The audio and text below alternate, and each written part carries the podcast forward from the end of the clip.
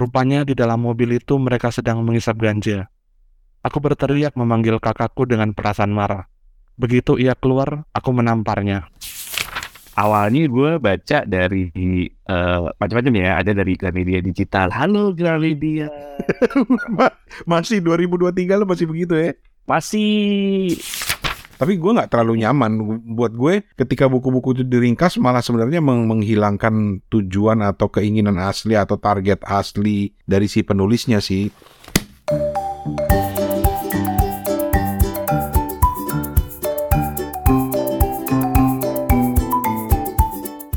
Ya oke okay lah akhirnya Kepo Buku ketemu lagi di season yang baru dan masih bersama trio Sontoloyo ini dari Singapura ada Toto, di Ambon ada ada Steven dan juga di Ciputat masih ada Rane. Nah, seperti biasa kita akan kembali mencoba untuk kumpul-kumpul lagi ngobrol-ngobrolin buku walaupun Toto lagi sibuk melanglang buana. Lu ke mana aja sih Tok? Jalan melulu. Enggak jalan sih men. Sama dia ditambah naik kereta naik pesawat gitu nggak selalu jalan sih. Banyak lo yang kepo Mas Toto itu sebenarnya kerjanya apa sih? Katanya traveling terus cie macam-macam dulu ada yang gosipin gue katanya chef gitu. Ah. bukan gitu. Terus ada yang bilang gue ekonom. Kira ada deket ada yang bilang gue tuh apalagi? Oh ada ada yang ada ada yang pernah nanya Mas Toto itu diplomat ya? Iya diplomat. Kemarin juga gue barusan barusan pas dari pulang ke Singapura juga gue ketemu sama temennya Rani kasihan Rani itu kalau sama temen hati-hati ya buat temen-temen yang merasa ditemenin Rani. Suka disuruh-suruh jadi temen. Masa disuruh nganterin kaos ke Singapura? Kasihan banget tuh dan ternyata kaos kepo buku yang dikirim sempit-sempit. Buat buat gue tuh gue paksain banget. Minimal XL lah ya. Kalau gue sih muat-muat aja nggak ada masalah. Bohong banget. Coba gue mau lihat orang L aja di blitet blitet gak kangen begitu lebih nulah cuma sampai pusar loh pusar juga gak, gue gak ketutup loh jadi begitulah kita masih eksperimen. Nanti kalau sudah berhasil nanti akan kita sampaikan. Tapi karena kita sempat break lumayan panjang ya di akhir 2022 jadi kita kembali hadir lagi di 2023 ini. Nggak kerasa ya udah 2023 ya. Eh bisnis kita nggak berubah kan? Maksudnya lini bisnis kita nggak berubah kan? Dari mul dari review buku ke jualan kaos. Lini kita tidak berubah di 2023 tetap jualan kaos. Oke okay. dan jualan kaos sambil review buku ada gitu jadi kayak guru bantu sambil review buku. Ya karena kaos kepo buku itu udah udah gue pakai beberapa kali ke event-event acara blog apa acara-acara podcast banyak wah mau dong kaosnya dong gitu bahkan di acaranya di acara Spotify Summit kan gue pernah pakai sempat pakai tuh terus tiba-tiba ada yang hmm. nyamperin ini yang ini Mas Rane, Bang Steven apa Mas Toto? Jin aja. Oh nanya.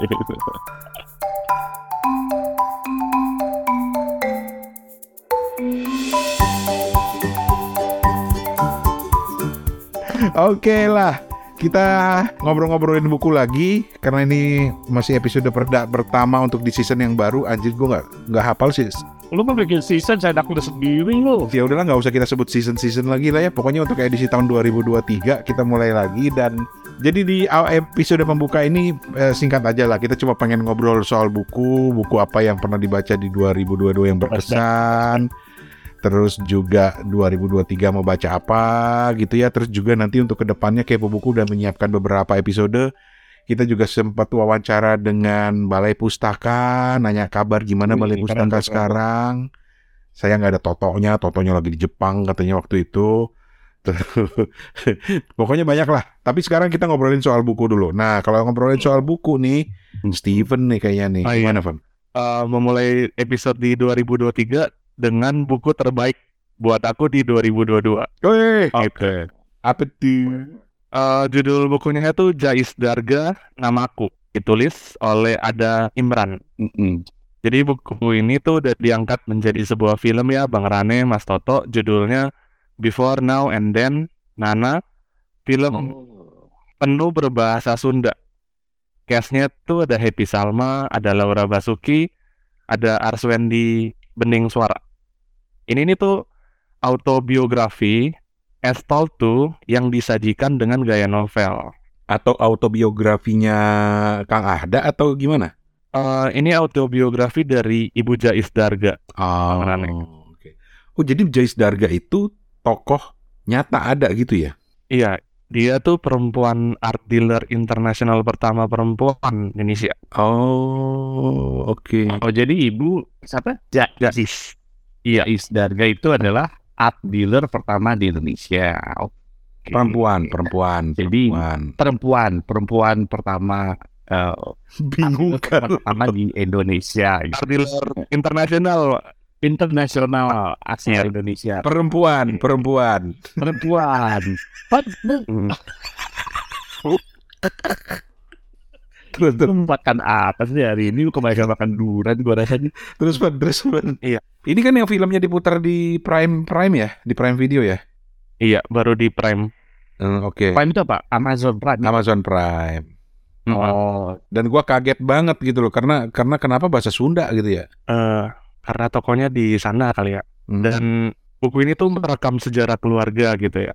Pergulatan para perempuan, dunia perempuan, semuanya tuh terasa pas dan membuat pembaca tuh uh, bisa menerawang gitu ke sisi paling dalam tokoh di dalamnya. Ada uh, Ibu Radenana yang menjadi uh, pusat cerita film Before Now and Then itu. Bab pertama dari buku ini Bang Rane Mas Toto yang berjudul Telur. Terus um, Pak Ada tuh menulis buku ini tuh dengan dengan apa ya? Dengan penuh deskriptif gitu, filmis gitu. Jadi kita bisa bayangin adegannya langsung di imajinasi kita. Dan yang paling penting adalah ini tuh nggak seperti kebanyakan autobiografi. Buku ini berani menampilkan apa ya? Um, sisi humanis, menampilkan Ibu Jais tuh apa adanya gitu. Pada tuh bilang kayak gini di acara peluncuran kemarin di Ubud, saya tuh tidak ingin menulis sosok malaikat. Jadi sisi baiknya, sisi buruknya tuh semua ada di buku ini. Dan terakhir yang menimbulkan kekaguman dan sekaligus rasa hormat untuk um, keluarga Darga terkhusus Ibu Raden Nana, Ibu Jais Darga. Uh, terima kasih sudah berbagi sejarah kisah hidup Ibu Jais Darga kepada khalayak. Ini tuh sebuah karya dan apa ya kayak sebuah mutiara yang berharga gitu loh. Kita bisa bisa kenal sejarah keluarga mereka, bisa kenal siapa sosok Ibu Jais Darga lebih dekat lagi. Hmm. Gitu.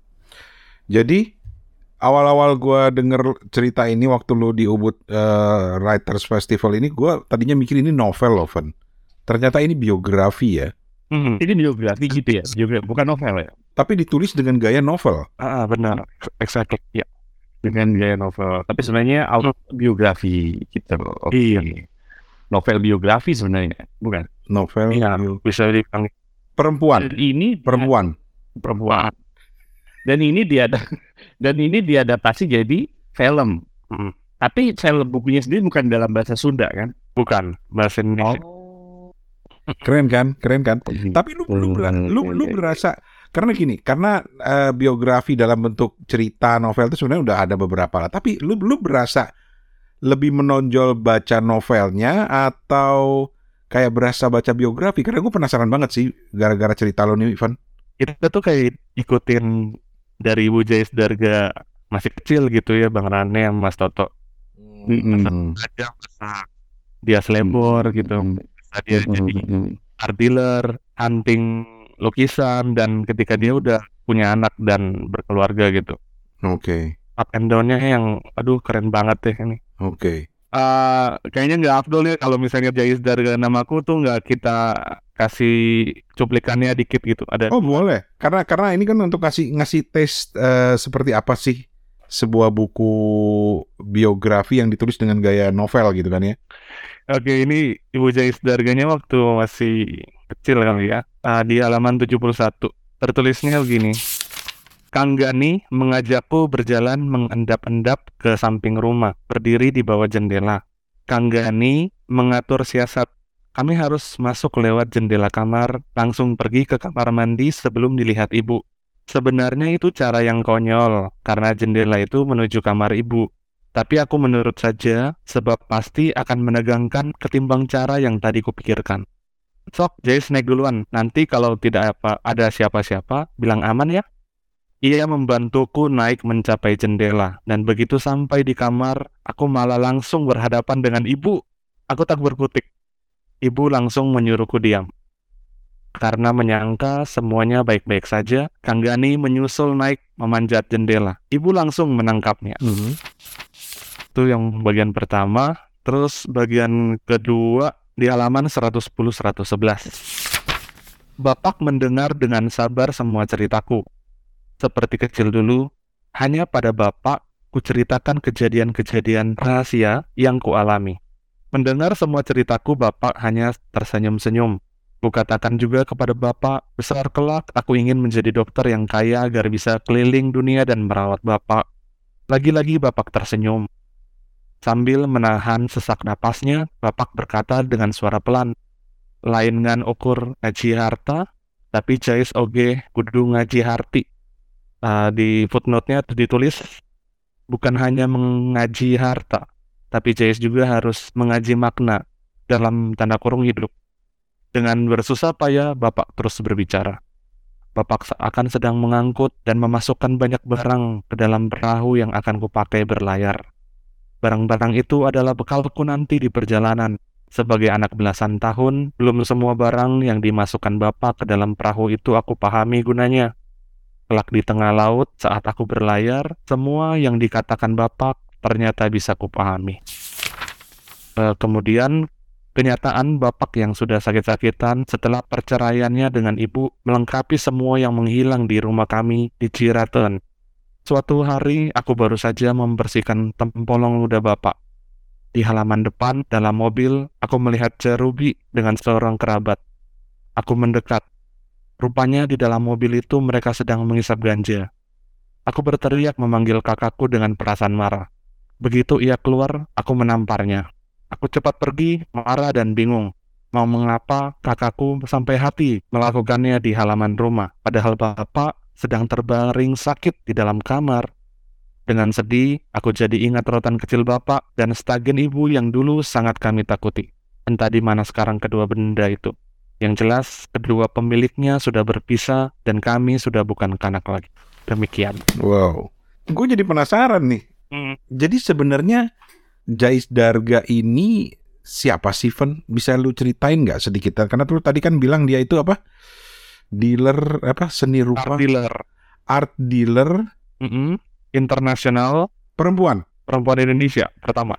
Lu ceritain sekilas dong. Jadi kita tahu nih ini biografi siapa, apa yang menarik dari orang ini gitu loh. Aku baca blurbnya aja gitu ya. Nah, nah.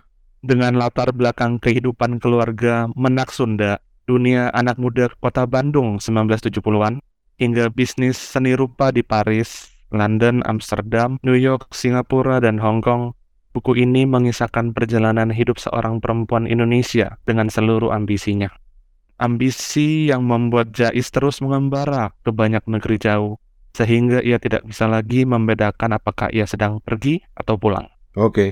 recommended by Steven Sitongan ini. Harus dicari bukunya ini recommended. Harus dibaca itu, harus dibaca. Ini pertama kali pertama kali terbitnya Bang Rane di 2018. Ah. Tapi ketika filmnya menang di Berlin, terus terakhir juga masuk di nominasi film Tempo, hmm. Di 2022 diluncurkan kembali. Oh, Oke. Okay.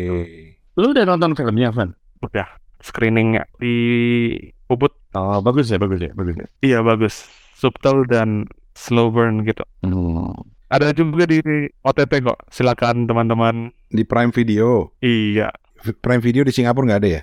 Ada kayaknya. Cuman gue nggak ada. Kira nggak boleh masuk. Tapi menarik karena gue pribadi gue penggemar buku biografi ya. Makanya kalau sampai ada buku biografi yang ditulis dengan gaya yang seperti novel ini tentu menarik gitu loh. Pengen banget gue. Makanya nanti gue coba cari ah. Gitu. Iya. Hmm. Terus apalagi nih? Apalagi nih? 2022 sepertinya buku ini doang sih Bang Rame. Jadi sepanjang 2022 lu cuma baca buku itu doang? Ada yang sekitar 20-an tapi ya ini yang paling berkesan. Paling berkesan. Nah, kalau 2023 ada buku yang lu incar nggak? 2023 itu uh, mungkin melanjutkan novelnya Pak Asadi Siregar, Menolak Ayah. Oh, Menolak Ayah. Itu menarik loh itu menolak ayah itu. Pengen juga gue punya tuh. Iya katanya kalau mau jadi orang Batak tuh belajarnya lewat buku itu tuh. Ikut. Oh gitu ya? Pas. Baiklah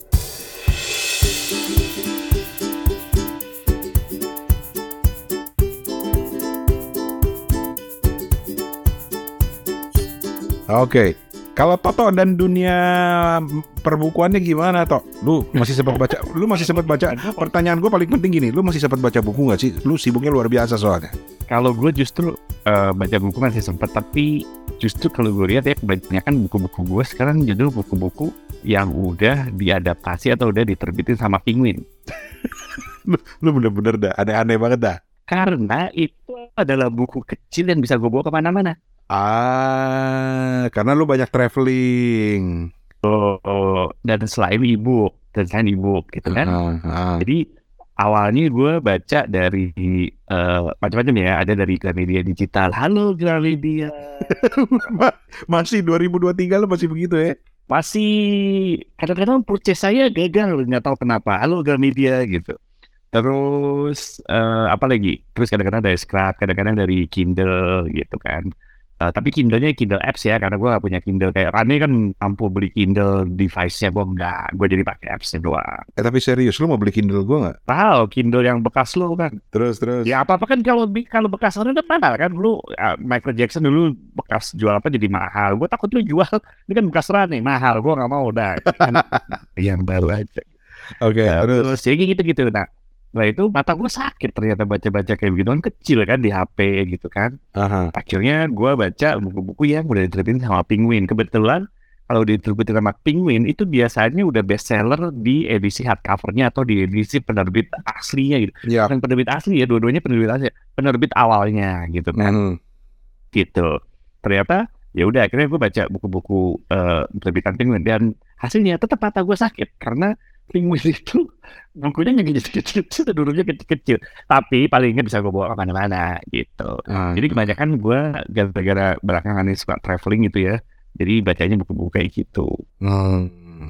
Ya kalau gue sih, gue gue sih gue sih tertarik sebenarnya sama buku-buku Penguin itu karena kecil, ringkes hmm. dan dan sebetulnya produksinya jauh lebih murah loh. Betul, betul. Jadi kebayang nggak sih buku-buku bagus kalau bisa dicetak dengan gaya itu di Indonesia akan lebih murah lagi dan lebih terjangkau. Hmm, hmm, hmm, hmm. Dan ya gue nggak tahu ya kalau di luar kan bisa ya, misalnya pen awal penerbitnya tuh siapa gitu, kemudian Penguin tuh adopt gitu ya, jadi satu pengarang tuh bisa diterbitin dua penerbit aja gitu ya.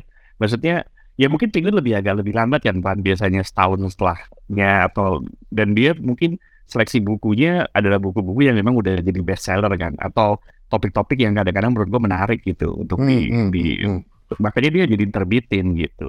Tapi ya buku jadi ke, lebih kecil dan ya lebih ya lebih kecil gitu tapi lebih ringkas bisa dibawa ke mana-mana gitu itu kebiasaan gue di tahun 2022 ini oke buku apa aja dari Penguin yang lu udah yang lu baca Waduh, macam-macam Pak. Saya nggak baca bisa.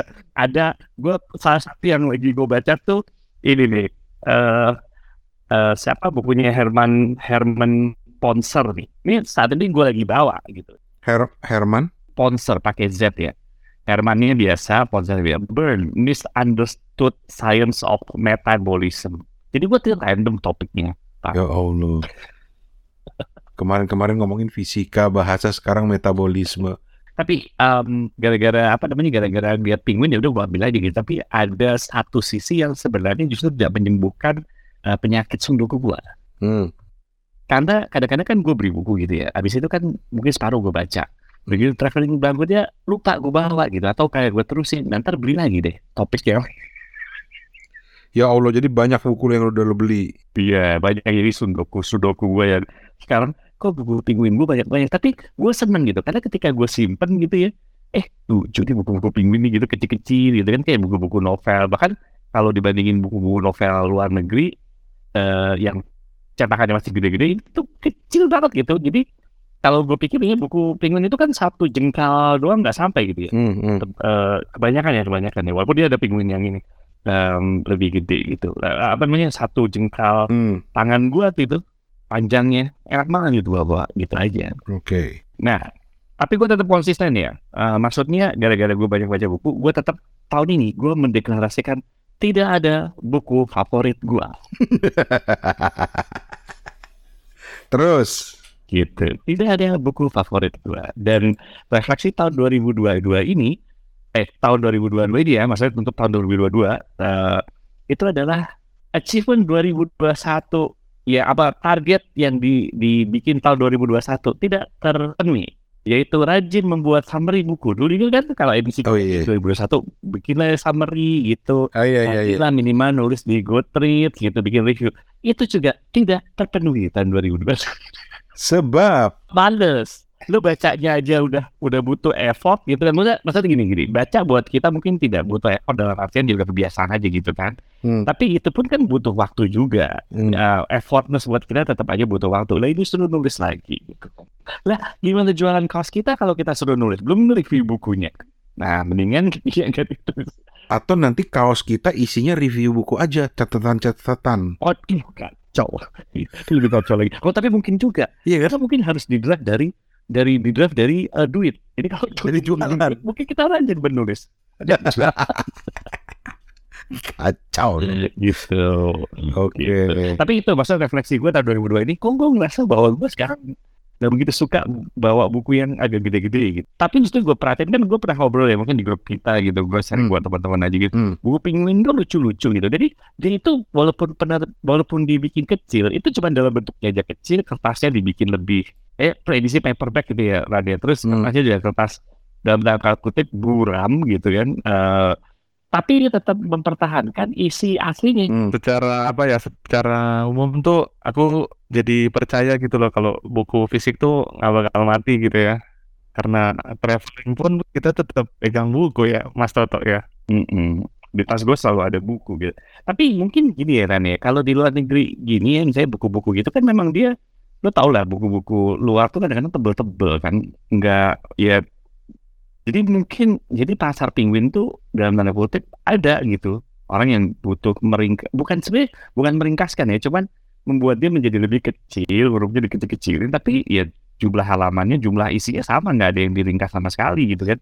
Bahkan kadang-kadang lucunya adalah lu ada buku penguin gitu ya terus eh, orang sini tuh kan kalau ngarang buku tuh banyak referensinya tuh panjang banget. Itu kan kadang pas seperempat tuh ref, isinya cuma referensi doang Hmm. bibliografinya dia gitu Hmm. Hmm. daftar daftar apa namanya referen apa namanya ref, eh, daftar pustakanya dia gitu dan Hmm. itu sama penguin tetap aja ditaruh bukan yang di- dihilangin gitu gara-gara ah lupa ringkas tuh kalau mau lihat lihat aja di yang enggak dia tetap ada gitu dan mungkin gara-gara banyak buku-buku tebal gini makanya pasar bukunya ada nah kalau di Indonesia gua nggak tahu orang seberapa tebalkah mengarang buku sehingga perlu diterbitin edisi murahnya dalam tanda kutip dikecilin kayaknya sih selama kalau ngarang bukunya masih masih di bawah 500 halaman gitu ya kayaknya ya susah juga buat diringkasin gitu kali ya. Lah kalau kayak buku kura-kura berjanggut gitu gimana ya, Ivan ya?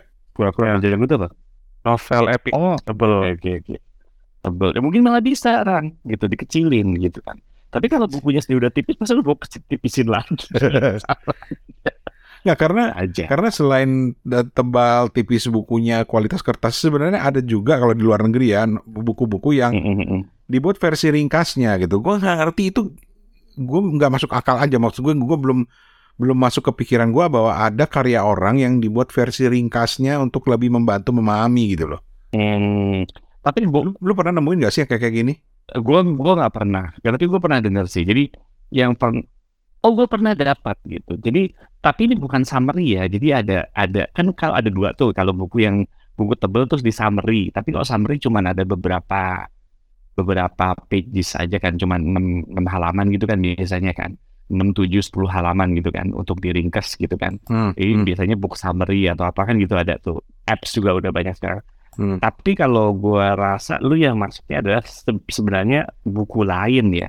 Jadi nggak cuma 10 6 10 halaman kan. Ini buku lain yang lumayan juga tebal ya, tapi nggak sampai setebal buku aslinya bener nggak? Hmm, bisa. Kayak semacam penjelasan gitu, gitu kan.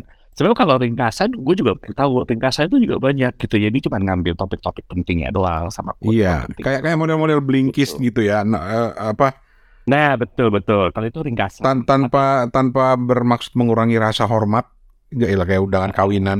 Tapi gue nggak terlalu nyaman. Buat gue, ketika buku-buku itu diringkas, malah sebenarnya meng- menghilangkan tujuan atau keinginan asli atau target asli dari si penulisnya sih. Tapi ini nggak tahu ya. Mungkin ada yang memang harus Hmm. diringkas-ringkas gitu kali. kalau menurut gue itu proses seleksi aja sih. Kalau kalau gue kalau gue pribadi kalau ngomongin ini ngomongin jadi book summary ya, gue tetap kadang-kadang gue tetap baca gitu. Tapi gue jadi kayaknya gue nggak bisa membedakan antara book summary sama book review.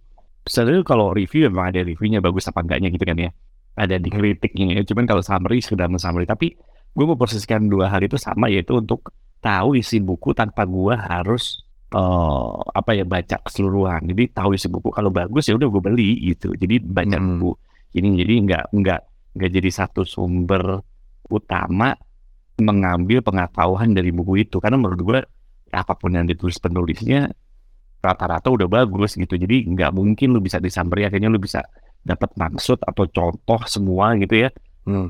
jangan dengan sebuah summary gitu kalau menurut aku ya um, lebih prefer beli buku uh, yang biasanya aja gitu ya hmm. Hmm. hmm. tapi tadi tadi Steven uh, nggak balik lagi ke masalah buku yang penguin sama yang maksudnya uh, yang yang fisik bukunya dan tanda kutip disederhanakan gitu sama si penguin ya. Tadi Steven hmm. mungkin pas kita pas, pas tadi ini uh, dia tanya harganya berapa sih Mas Toto kalau penguin gitu. Nah, kalau penguin itu rata-rata mungkin harganya mungkin kalau dari Singapura mungkin 20-an dolar Singapura gitu ya, 20, 27. Eh, penguin tuh kalau yang buku edisi yang paperback itu yang paling mahal kayak 30. Sementara buku aslinya mungkin sorry ya, gue tetap bilang buku asli. Buku pertamanya gitu ya. Uh, itu adalah sekitar mungkin ya tergantung bukunya ya tapi mungkin di atas 50-an 60-an kayak gitu gitu apalagi kalau udah masih dalam edisi hardcover kan lebih mahal ini kan sih kan tetap mahal sih sekitar 200 ribuan ya tapi maksudnya lebih murah daripada buku original awalnya hmm. awalnya gitu di penerbit misalnya penerbit Harper's gitu ya terus di di di bikin edisi penguin biasanya edisi penguin jauh lebih murah gitu Oke. Okay. Tetap mahal karena bagaimanapun Penguin tetap buku uh, terbitan luar kan mungkin. Kalau masuk ke Indonesia juga mungkin pasti kena pajak segala macam jadi, jadi lebih mahal gitu. Oke. Okay.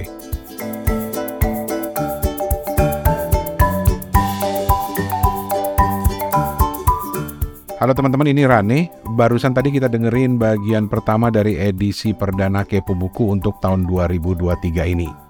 Masih ada pembahasan lanjutan karena gue belum cerita dong tentang buku-buku gue di 2022 dan 2023 yang akan gue baca nanti. Jadi kita akan lanjutkan di episode kedua nanti. Jangan lupa kita tunggu komentar-komentar dan juga ide-ide dari teman-teman semuanya tentang kepo buku mau dibawa ke mana, mau diapain, mau bahas buku apa, apa pun itu. Pokoknya kita selalu senang untuk bisa bersosial bersosialisasi untuk bisa ngobrol dengan teman-teman semuanya supaya kami tahu bahwa oh apa yang kita ceritakan atau apa yang kami sampaikan di Kepo Buku ini ada manfaatnya bukan cuma buat bahan obrolan tiga orang Sontoloyo ini. Sontoloyo. Sorry sorry bercanda Fen Waduh, melotot aja Steven sama Toto. Dan seperti biasa Instagram kita masih sama @kepobuku bisa DM kita kalau ada pertanyaan atau komentar dan lain sebagainya. Untuk saat ini Mewakili Steven dan Toto, Rani Hafid pamit. Kita ketemu di bagian kedua nanti.